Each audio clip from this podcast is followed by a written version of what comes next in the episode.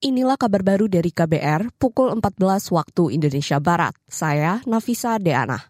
Wakil Menteri Hukum dan Hak Asasi Manusia Wamenkumham Edward Omar Sharif Hiarie alias Edi Hiarie dikabarkan mengundurkan diri dari kabinet usai ditetapkan sebagai tersangka kasus gratifikasi dan suap oleh Komisi Pemberantasan Korupsi KPK. Hal itu diungkap oleh Koordinator Staf Khusus Presiden Ari Dwi Payana dalam keterangan persnya hari ini, Ari menyebut surat pengunduran diri Edi telah diterima Kementerian Sekretariat Negara. Dia memastikan pihak Setnek akan segera melaporkan surat itu kepada Presiden selepas kembali dari Nusa Tenggara Timur. Sebelumnya, Edi Hiarie telah ditetapkan sebagai tersangka. Edi juga dicegah KPK berpergian ke luar negeri atas statusnya tersebut.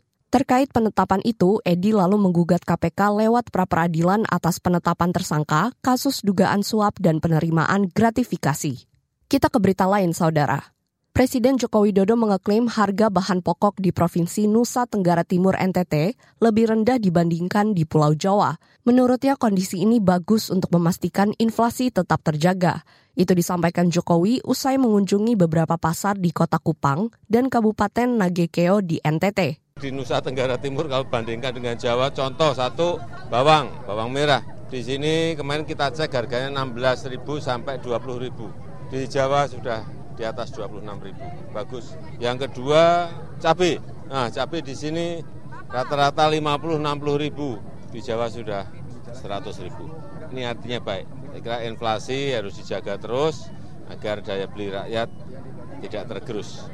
Jokowi mengatakan harga cabai dan bawang merah di NTT masih terjangkau lantaran kedua bahan pokok itu ditanam langsung di wilayah tersebut. Selain mengecek harga kebutuhan pokok, Presiden juga turut membagikan sejumlah bantuan dan sembako kepada masyarakat dan pedagang yang ada di sana. Kita ke berita selanjutnya. Ombudsman Republik Indonesia menilai masih adanya permasalahan dalam penyaluran atau penebusan pupuk bersubsidi di Indonesia. Asisten pemeriksa keasistenan utama 3 Ombudsman Miftah Firdaus mengatakan, per Oktober 2023, tingkat penyerapan ataupun penebusan pupuk bersubsidi oleh petani pada kios pengecer masih rendah.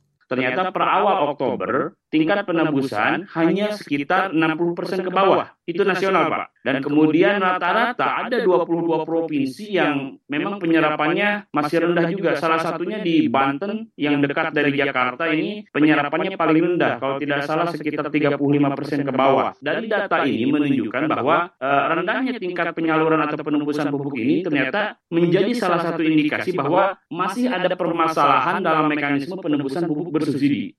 Asisten Ombudsman Miftah Firdaus mengatakan hingga Oktober 2023 masih ada sekitar 4,3 juta petani yang belum bisa ataupun tidak bisa menebus pupuk bersubsidi. Padahal jumlah petani yang terdaftar dalam portal e-alokasi mencapai 15 juta petani. Miftah menyebut masalah utama yang menjadi hambatan petani adalah penerapan mekanisme penebusan secara tunggal di kios pengecer, masalah di kartu tani, hingga keterjangkauan jaringan atau sinyal.